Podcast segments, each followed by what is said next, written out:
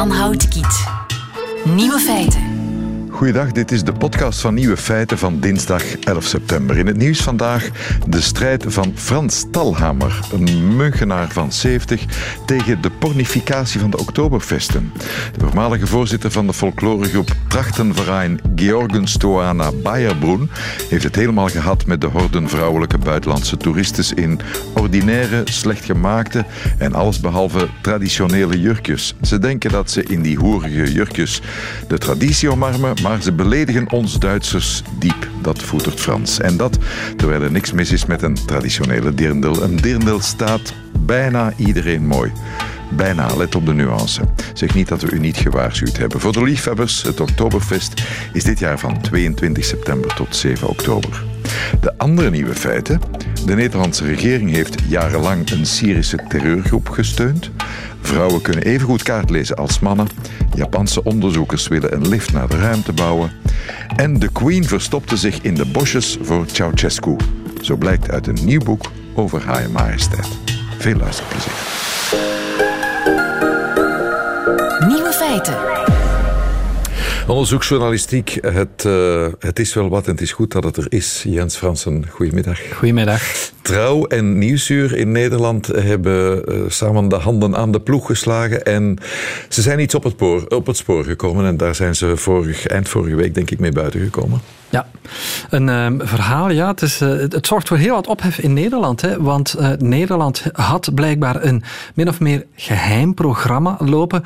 waarbij de Nederlandse regering steun leverde aan rebellen in Syrië. En het ging niet zomaar om rebellen. Het ging onder meer om rebellen waarvan nu intussen tijd duidelijk wordt dat het om ja, terreurbewegingen ging, ja. jihadistische bewegingen, dat soort dingen. Jabhat al-Shamia, om het dier en, of om het ding een naam te geven.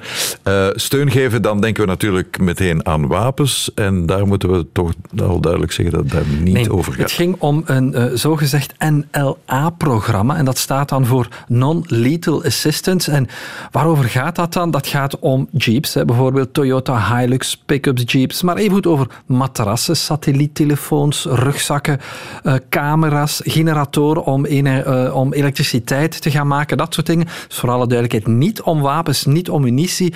Voor alle duidelijkheid ook ons land heeft zo een heel klein beperkt programmaatje uh, lopen gehad, uh, maar dan niet in Syrië, maar wel in het noorden van Irak, waar wij ook ja, een stukje materiële steun geleverd, geleverd hebben aan Koerdische strijders. We hebben die zelfs ook een stukje opgeleid. Wat heeft ons land dan geleverd? Bijvoorbeeld EHBO-kits, mm -hmm. maar ook wellicht uh, kogelwerende vesten. Dus met andere woorden, dit, dit uh, verhaal dat nu in Nederland uh, voor wat heisa zorgt, dat kan ons ook overkomen? Ja en nee. Um, voor zover ik ervan uitga, is men in ons land heel erg voorzichtig. Hè? En je weet, Nederland heeft een traditie dat het wel een stuk forser durft op te treden. Denk bijvoorbeeld aan de militaire inzet in Nederland, bijvoorbeeld in Afghanistan. Daar is Nederland van in het begin van het conflict gekozen voor een operatie die veel vergaander was dan België. We hebben geen traditie in dit soort operaties. We hebben ook geen traditie om, zeker wat de landmacht betreft, om heel verregaande operaties te gaan doen. Bovendien is, voor zover ik weet, is er ook geen politiek mandaat voor, laat staan de politieke wil in ons land. Maar intussen zijn ze in Nederland, is het Openbaar Ministerie wel iemand aan het vervolgen die lid was van die beweging, van die Jabhat al-Shamia. Ja, en nu blijkt dat de overheid zelf diezelfde terroristische beweging ja, steunt. Dat is natuurlijk heel erg moeilijk, hè, omdat je aan de ene kant iemand gaat vervolgen op basis van, en dan kom je bij de kern van de zaak van een lijst met terreurorganisaties. En dan zeg je, kijk, die man is lid van die organisatie. Die organisatie is op basis van een aantal criteria beschouwd als een terreurorganisatie. Dus we gaan die man of vrouw veroordelen. Mm -hmm. Aan de andere kant heb je dan natuurlijk, oei, blijkbaar werkt een ander deel van de overheid samen met die organisatie. Nu, voor alle duidelijkheid, de regering zegt, kijk, de, de criteria waarop die brigades en die rebellenbewegingen, ja. waarop we die steunen, voldoet niet meer aan we, wat we vandaag de dag willen. Dus dat programma is stopgezet. Is dit een heel, in het, in het hele gamma dat er is aan rebellenbewegingen, is dit van het heel radicale extreme soort of zit het ergens tussenin? Nee, het, het is vrij radicaal. Het zijn organisaties, het gaat niet alleen om Jabba al-Sham Jamia. Intussen weten we ook dat het om de Sultan Murad brigade gaat. Het gaat om kleine groepen, vrij schimmige groepen, maar die bijvoorbeeld ook uh, aan mensenrechten schendingen deden, die jihadistisch zijn, die kindsoldaten inzetten. Kortom, ja, het soort jongens waaraan je, waarmee je eigenlijk niet mee wil samenwerken. Moet je wel aan toevoegen, dat soort organisaties veranderden ook wel eens door, doorheen de tijd. Hè. Dus die veranderen van koers, veranderen soms van t-shirt, van pet. Dus het is heel erg moeilijk. Het is makkelijk om achteraf te gaan zeggen, kijk, ja, ja dit hadden we toch moeten weten. Maar organisatie A, met naam A, is soms niet hetzelfde een aantal maanden later. Want dat was het verhaal altijd tot voor kort, dat ze in de Tweede Kamer, Buitenlandse Zaken, zei van ja, dat zijn allemaal gematigde bewegingen, dat is allemaal zo erg niet.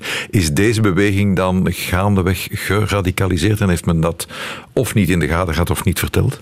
Wel, wat we intussen tijd weten uit de Nederlandse media is dat de overheid wel toegeeft, kijk, we hebben dat te weinig gecontroleerd. Wellicht hadden er snellere, meer voortgangsrapporten moeten zijn. Maar dan is ook de vraag, ja, ehm, je spreekt wel over oorlogsgebied, hè, dus het is makkelijk om te gaan zeggen, ehm, ja, A of B, maar je moet natuurlijk met die mensen kunnen gaan praten op het terrein. En dan nog moet je kunnen gaan vaststellen wat die zijn. Aan de andere kant, mocht blijken dat de Nederlandse regering wel degelijk heel wat signalen heeft gekregen via open source bronnen, via media, maar evengoed via gesloten source, via buitenlandse inlichtingendiensten, die Nederland al maanden geleden zou gewaarschuwd hebben van kijk, let toch op, jullie steunen daar een organisatie die jihadistisch is, ja, dan denk ik dat de Nederlandse regering echt een probleem heeft. Ja, eh, dat probleem eh, dat hebben ze ook toegegeven, want de ministers bevoegd, Buitenlandse Zaken, Blok en Kaag, die hebben vrijdag al de Tweede Kamer een brief uh, bezorgd waarin ze zeggen wij stoppen de steun per direct. Ik denk dat ze de bui zagen hangen. Mhm. En de bui voorlopig bij ons nog niet even. voor zover ik weet, we hebben dus het eh, programma gehad van de, de militaire uh, uh, inlichtingendienst, die een programma heeft gehad in het noorden van Irak. Uh, we hebben als VRT Nieuws ook naar buiten gebracht dat er ook contacten geweest zijn, dat er wel degelijk een aantal Belgische officieren ook in Syrië zijn gaan praten met de Koerden om daar iets op te zetten. Maar voor zover we weten is er niks opgezet in Syrië. Vooral de duidelijkheid, het ging ook de contacten die de Belgen hebben ge, uh, gehad, ging wel degelijk om een heel andere strekking van bewegingen, de Koerden.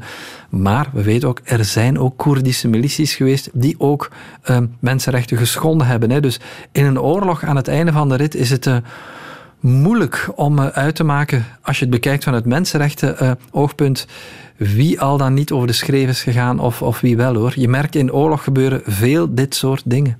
En dan spelen media gelukkig een rol. Nieuwsuur en Trouw doen dat samen in Nederland. Jens Fransen, dankjewel. Nieuwe feiten. Zegt uh, dit soort scène u iets? Het gaat over vrouwen en de weg vinden. Excuseer, weet u misschien de weg naar de post? Ah ja dat weet ik wel eens zijn.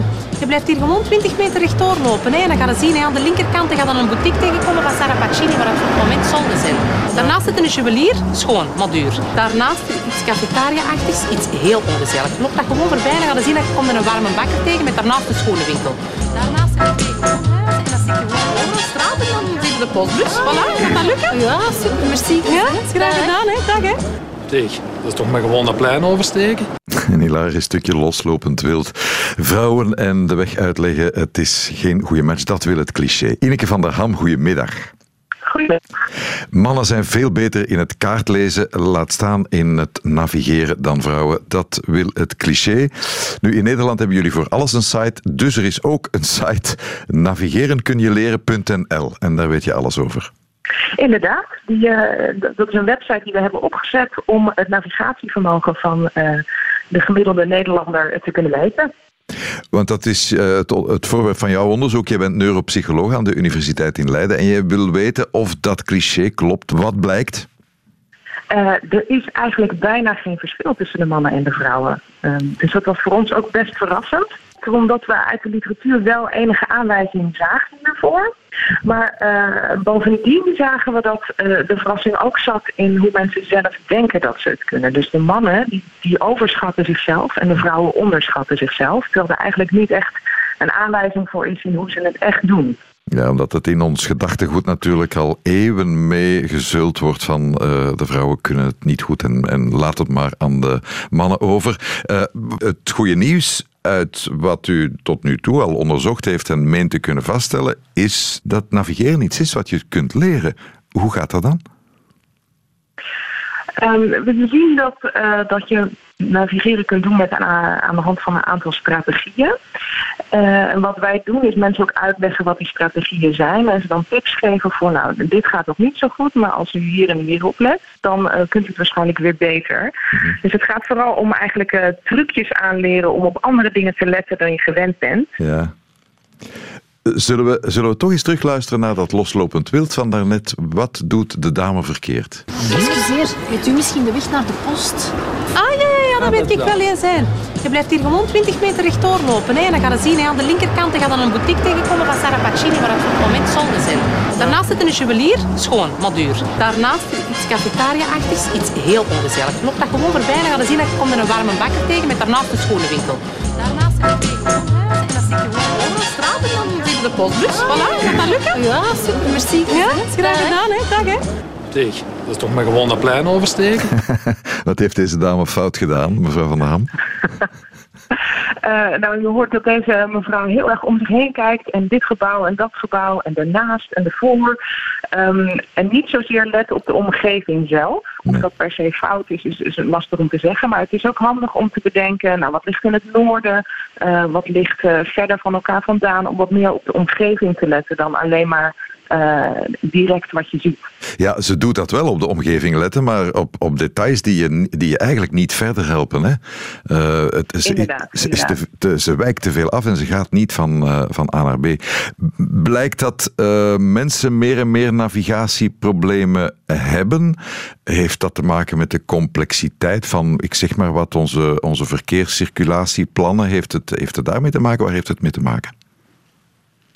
Nou, we zien dat, dat leeftijd een ontzettend belangrijke factor is. En met een, met een ouder wordende samenleving zul je zien dat steeds meer mensen echt substantieel problemen daarmee hebben. Mm-hmm. Uh, wat we ook wel eens horen dat mensen zeggen, ja, met GPS en uh, dat soort systemen, nu worden we daar zwakker in. Maar we zien daar eigenlijk uh, niet zoveel aanwijzing voor. Want dan zou je verwachten dat de jongere groepen ook wat minder presteren. En die doen het juist eigenlijk overtuigend het beste van iedereen die we getest hebben. Omdat jongere groepen, dan spreek je echt over uh, kinderen, opgroeiende kinderen? Uh, ook. De, de groep 18 tot 30 jaar die zit in de meeste taken op het hoogste niveau. Maar die zijn natuurlijk handig met Google Maps en met Waze en met weet ik wat nog allemaal voor navigatiesystemen. Daar zal het wel aan liggen, zeker? Ja, dus je zou ook kunnen zeggen dat die, die systemen ons juist uh, beter maken erin dan dat het ons uh, verzwakt. En dus dat je het eigenlijk juist wel oefent en dat je meer bezig bent met goh, hoe zit Precies, de wereld dus eruit op een plattegrond. Dus je zou denken hoe beslagener je bent in al die apps, hoe luier je wordt en hoe minder je een, een, een uh, authentiek, origineel navigatievermogen zelf hebt. Dat zou kunnen. Dat is wel een van de onderzoeksvragen die we nu uh, aan willen gaan pakken. Ja. Inderdaad. Ja. Hoe zit dat met de oudere groepen? Ik, ik ben zelf 60 plus. Ik heb de indruk dat het nog gaat. Maar ja, u zegt mannen doen aan zelfoverschatting. Um, gaat dat, ga, zal dat achteruit beginnen gaan, mevrouw Van der Ham? Help mij. En we, zien dat het vanaf een jaar of 40, 50 zachtjes aan uh, naar beneden gaat. En vanaf een jaar of 60 wat sterker naar beneden oh gaat. Oh mijn god, oh mijn god. En, ook dat de oudere populatie eigenlijk heel stabiel blijft in hun zelfinschatting. Dus helemaal niet die afname meeneemt. Dus er is een sterke overschatting ook met hogere leeftijd. Wat moet ik doen om die aftakeling tegen te gaan? Wat kan ik doen om, om dit te trainen misschien? Uh, en vooral veel mee bezig gaan uh, en dus zelfstandig uh, de deur uit, om je heen kijken. Kijk eens op de, op de telefoon, waar ben ik nu? en vooral niet of achter mensen aanlopen of minder de deur uitgaan. Want daar wordt het alleen maar minder van. Dus uh, het actief houden helpt. Ja, en, en al eens in een onver, onvertrouwde of minder vertrouwde omgeving komen waar je ja, gedwongen wordt om je weg te zoeken. Hè? Ja, zeker. Onbekende omgevingen die prikkelen nog meer om, uh, ja, om dat te ontwikkelen inderdaad. Ik kan dus nog tot februari volgend jaar aan het onderzoek meedoen. Die website navigerenkunjeleren.nl, krijg ik daar ook, sorry voor het lelijke woord, tips en tricks om het goed te doen? Ja, zeker. Iedereen die meedoet, die krijgt aan het einde ook een soort persoonlijk profiel te lezen. Wat de sterke en minder sterke punten zijn met ook wat tips uh, afgestemd op hoe die persoon het gedaan heeft. Dan ga ik daar nu werk van maken, Ineke van der Ham, uh, om de grootste bezorgdheid toch te proberen wegnemen. Navigeren kun je leren.nl. Ineke van der Ham van de Universiteit Leiden. Prettige middag nog.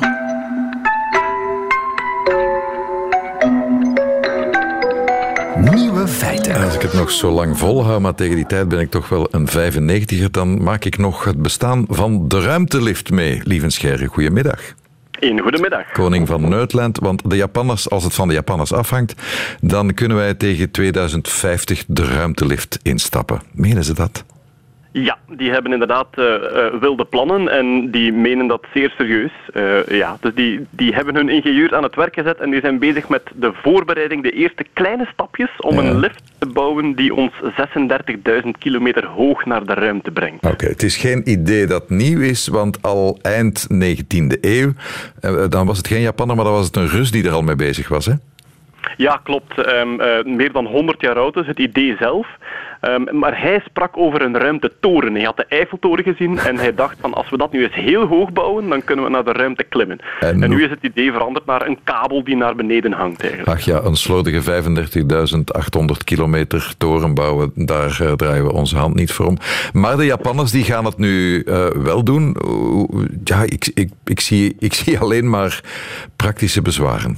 Hoe krijg je dat gedaan? Ja de praktische bezwaren zijn inderdaad enorm. Het idee is vrij simpel. Hè. Dus je, je brengt een object in een baan rond de aarde en vandaar hang je een kabeltje naar beneden tot op de aarde. Voilà. Uh, gemakkelijk. Ja. Nu, we hebben, we hebben al een object uh, in, een, in, een, in een baan rond de aarde. We hebben het internationaal ruimtestation. Nu, dat vliegt aan 28.000 km per uur rond. Mm -hmm. Dus zo'n kabel die door onze atmosfeer klieft aan 28.000 km per uur. Geen goed idee, haalbaar. doen we niet. Nu, je hebt ook die geostationaire baan. Hè. Dus de, de, de baan zo hoog boven de aarde dat satellieten daar ronddraaien aan hetzelfde tempo waaraan de aarde rond haar afdraait. Waardoor die satelliet eigenlijk altijd boven hetzelfde punt blijft hangen. Mm -hmm. En daar zijn ze natuurlijk naar op zoek om daar een kabel van naar beneden te laten. Die is 36.000 kilometer hoog. Het probleem is, als je vandaar een kabel naar beneden laat, ten eerste, de bovenkant van die kabel moet dat volledige gewicht dragen van 36.000 kilometer kabel. Um, en er zijn momenteel geen materialen die dat kunnen. Nee. Um, die dus de, de, ja, de goede verhouding van sterkte en, en, en gewicht hebben. Maar de Japanners speculeren dat met de nanotechnologie, dus echt zo ja, kleine buisjes maken van enkele atomen breed, dat met die nanotechnologie tegen 2030 dat wel zou kunnen. En dan hebben ze nog 20 jaar om de lift te bouwen. Ja, en, maar die, de lengte van die kabel, want die kabel die is dan een, een kleine 36.000 kilometer lang, zou die moeten zijn, maar eigenlijk moet die langer zijn, hè? Ja, inderdaad, want als, als dat ruimtestation op 36.000 kilometer hangt en vandaar hangt een kabel naar beneden, ja, het massamiddelpunt van dat hele systeem is natuurlijk lager. Dus dat ruimtestation draait wel rond aan, aan hetzelfde tempo dan de rotatie van de aarde, maar iets lager, ja, heb je weer dat gewicht dat naar beneden trekt, dus je moet die nog langer maken, tot, ja, ze, spreken van 96.000 kilometer, maar dat is dan weer iets te ver. Nu, er zijn nog wilde plannen, ze zeggen, als we daar nu eens een tegengewicht aanhangen, een stuk boven dat ruimtestation en dan willen ze een asteroïde gaan halen met een raket van elders in de ruimte die naar daar takelen en die als tegengewicht gebruiken. Maar waarom zouden we. Is, is er enige behoefte op dit moment in de ruimtevaart aan een ruimtelift? Is er iemand die daar vragende partij is? Goh, dit is typisch zo'n project dat geweldig lastig is om te bouwen en dat hoogstwaarschijnlijk gigantisch duur zal zijn. Maar stel dat het lukt en dat het operationeel is, heb je een enorm financieel voordeel. Een lancering kost nu enkele duizenden euro's per kilogram. En zij zorgen dat in, ja, een, voor een tiende zou je dan dingen naar de ruimte kunnen brengen, als dat met die lift kan. Dus dat is de grootste drijfveer. Het is ook een heel groot uh, Japans bouwbedrijf dat erachter zit, die ook de hoogste toren in Japan gebouwd hebben. Um, dus het, als het echt lukt, dan is het iets geweldig nuttig. Ja. En er zijn ook believers hoor, want voor mij klinkt het ja, als een geweldige uitdaging, maar er zijn bij ruimteingenieurs echt congressen en believers dat dit, uh, dat dit gaat lukken. Er zijn ook non-believers. Elon Musk is, is een non-believer, hè? Ja, uh, ik, kan ik mij goed voorstellen. Ook omdat... Maar dat is gewoon omdat hij te hard gewerkt heeft. Ja, die, ja, inderdaad. En die zegt veel, veel rare dingen de laatste tijd. Maar ja, de, de praktische bezwaren zijn enorm. Ook stel dat die kabel dan op aarde neerkomt, ze willen dan een, een platform bouwen in de oceaan. Dat ja. moet op de evenaar zijn. Maar als daar een storm passeert, dan heb je een wiebelende kabel van 36.000 kilometer. Dus goed, de eerste tests staan gepland. Dus binnenkort vertrekt er een mini-liftje van 10 meter lang naar het internationaal ruimtestation. En dat zal daar in de ruimte gelaten worden. En ze willen daar een karretje heen heen en weer laten gaan aan een kabel van 10 meter. Wat je daar precies uit leert, is me niet heel duidelijk, maar het is een eerste stap. Eh, ik ga u iets een beetje raars zeggen. De kosten, ik vind dat dat nog redelijk meevalt. Eh, Men spreekt over 9 miljard dollar, dat is, dat is een eh, kleine 8 miljard euro. Savan nog, hè? Ja, ik geloof er niets van. 9 miljard is voor. Ja, het ISS is 160 miljard. Eh, de bouw van het, van het ISS wordt geschat op 160 miljard. 9 miljard voor zo'n huzarenstuk. Ik denk dat er gewoon een zeer optimistische berekening gemaakt eh, is. Ja. Ja. we hebben allemaal al met aannemers gewerkt, eh, Jan. Ja, dat is waar. dat ze vinden dan wel een losse tegel die ook vervangen moet worden. Dus Nee. ik denk dat ze, dat ze er serieus, eh, een serieuze onderschatting Nu, hebben. jij als koning van Nerdland, jij smult natuurlijk van dit soort eh, gekke ideeën waar de Japanners dan de, de tanden in zetten. Moeten we als wetenschapsliefhebbers nu blij zijn en, en hen eigenlijk aanmoedigen? Misschien komen er andere nuttige eh, dingen uit, hè? Ik vind dat op zich wel. Hè. Er is de, de, de beroemde uitspraak: zij die zeggen dat het niet gaat lukken, moeten niet in de weg lopen van zij die het aan het doen zijn. Ehm, je hebt in de geschiedenis veel voorbeelden waar dat gebeurd is. Elon Musk heeft met SpaceX, met zijn landende raketten, eigenlijk iets gedaan wat niemand voor mogelijk hield. Ehm, maar er zijn ook veel tegenvoorbeelden. Er zijn ook veel megalomane ideeën die helemaal gesneuveld zijn. Dus inderdaad, ik ben volledig voor het experiment en eh, laat ons maar zien eh, waar ze uitkomen. Ja. Voilà, en ze luisteren zeker niet naar Radio 1, dus we hebben hen niet tegengehouden. Lieve Scherren, dank daarvoor.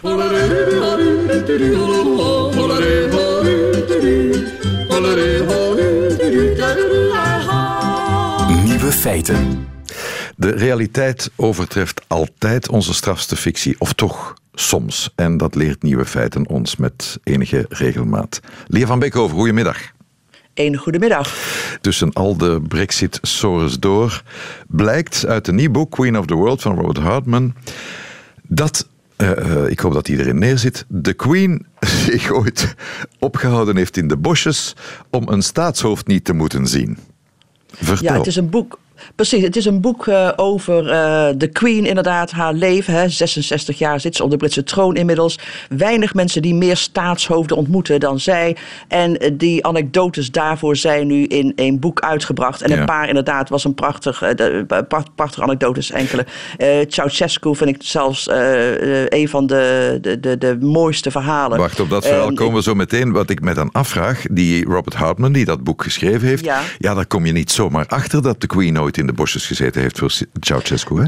Nee, niet zomaar. Maar ik denk dat die man dat te weten is gekomen. eh, Ja, omdat hij ouderwets journalistiek werk deed. Hè. Eh, Contacten leggen. Mhm. eh, met personeelsleden van de paleizen gaan praten. En daar zijn er honderden van, dus keuze genoeg. Maar die hebben toch mensen uithoren. zwijgplicht over dat soort van voorvalletjes? Nou ja, kijk, het is, het is, wat helpt in de Britse journalistiek is in ieder geval niet ongebruikelijk als je die contacten, laten we zeggen, mee uit eten neemt of betaalt. Ah. Ik zal niet zeggen dat deze auteur dat gedaan heeft, maar hij zou niet de eerste zijn. En verder hoop je natuurlijk dat je bronnen ehm, werkelijkheid van fantasie kunnen onderscheiden. Precies. Vertel eens, Ceausescu, dat is dus eh, ja, voor 89, dat is lang geleden. Wat is daar precies gebeurd? Ja, dat was in 1978 toen hij eh, en zijn echtgenote op staatsbezoek kwamen en dus logeerden in Buckingham Palace. En ze was al gewaarschuwd door de toenmalige Franse president Giscard d'Estaing dat dat geen goede gasten waren. Want de Franse president, die het Romeinse stel dus eerst eh, te logeren had gehad, die hadden gemerkt dat alles uit hun gastenverblijf verdwenen was. De Ceausescu's hadden alles uit Parijs meegenomen wat los zat of los gedraaid kon worden met de schroevendraaier. Lampen, het. vazen, asbakken, ja, badkamerspullen. Dus toen de Ceausescu's arriveerden ehm, op Buckingham Palace, toen, toen hadden ze eh, uit de gastenkamers hadden ze de zilveren borstels die daar normaliter liggen en ander kostbaar spul eh, ergens eh, ondergebracht. En de queen zou Ceausescu eh, dat vreselijke mannetje genoemd hebben. Ja, en eh, het verhaal gaat inderdaad dat toen ze haar honden uitliet eh, in de achtertuin van Buckingham Palace in Londen. En ze zag de, de Roemenen aankomen, eh, uit een ander tuinpad komen. Toen verschool ze zich achter een struik. Probeer- En ze zou dat een andere gast verteld hebben. Ik Dus probeer het me voor te stellen. Ja, dan denk Ja. ik natuurlijk, eh, no- nodig die mensen dan gewoon niet uit, maar zo eenvoudig ligt Nee. dat allemaal niet. Je moet die staatshoofden af en toe over de vloer krijgen. Mobutu is ook ooit verschenen op Buckingham Palace. ook geen populaire gast. En zijn vrouw helemaal niet. Die had namelijk in de bagage haar hond uh, het land ingesmokkeld. Okay. Uh, en dat was in, ook in de jaren zeventig. En de Britten waren toen bang voor hondsdolheid. Dus de Queen was not amused. Mm -hmm. Doe dat beest mijn huis uit, zou ze gezegd hebben. En het verhaal gaat dat de rest van het staatsbezoek in ijzeren sfeer verlopen zou zijn. Ja. Een van haar personeelsleden heeft het ook ooit nodig gevonden om uh, een nep hondendrol uh, naast de tafel te leggen.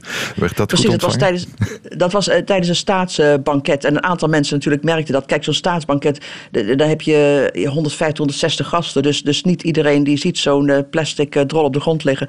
Maar het was, de, de, het, het, destijds werd er op dat moment niet om gelachen. Het werd gezien als een serieus incident. He, lakeien zeiden, wie heeft de honden van de queen die binnengelaten? Die mogen hier nooit komen doorgaans. Maar naar de hand hebben ze, zich, eh, hebben ze het een geweldige grap gevonden. Is de queen een goede gastvrouw eigenlijk? Want als die in de bosjes duikt, als ze, als ze Ceausescu niet wil ontmoeten, dan denk ik van, ja zeg, is zij een goede gastvrouw? Ja ze is een extreem goede uh, gastvrouw. Ze is ongelooflijk attent. Er zijn talloze anekdotes over in dat boek. Maar het is niet alleen dat ze uh, attent is. Geloof het maar, dat is ze.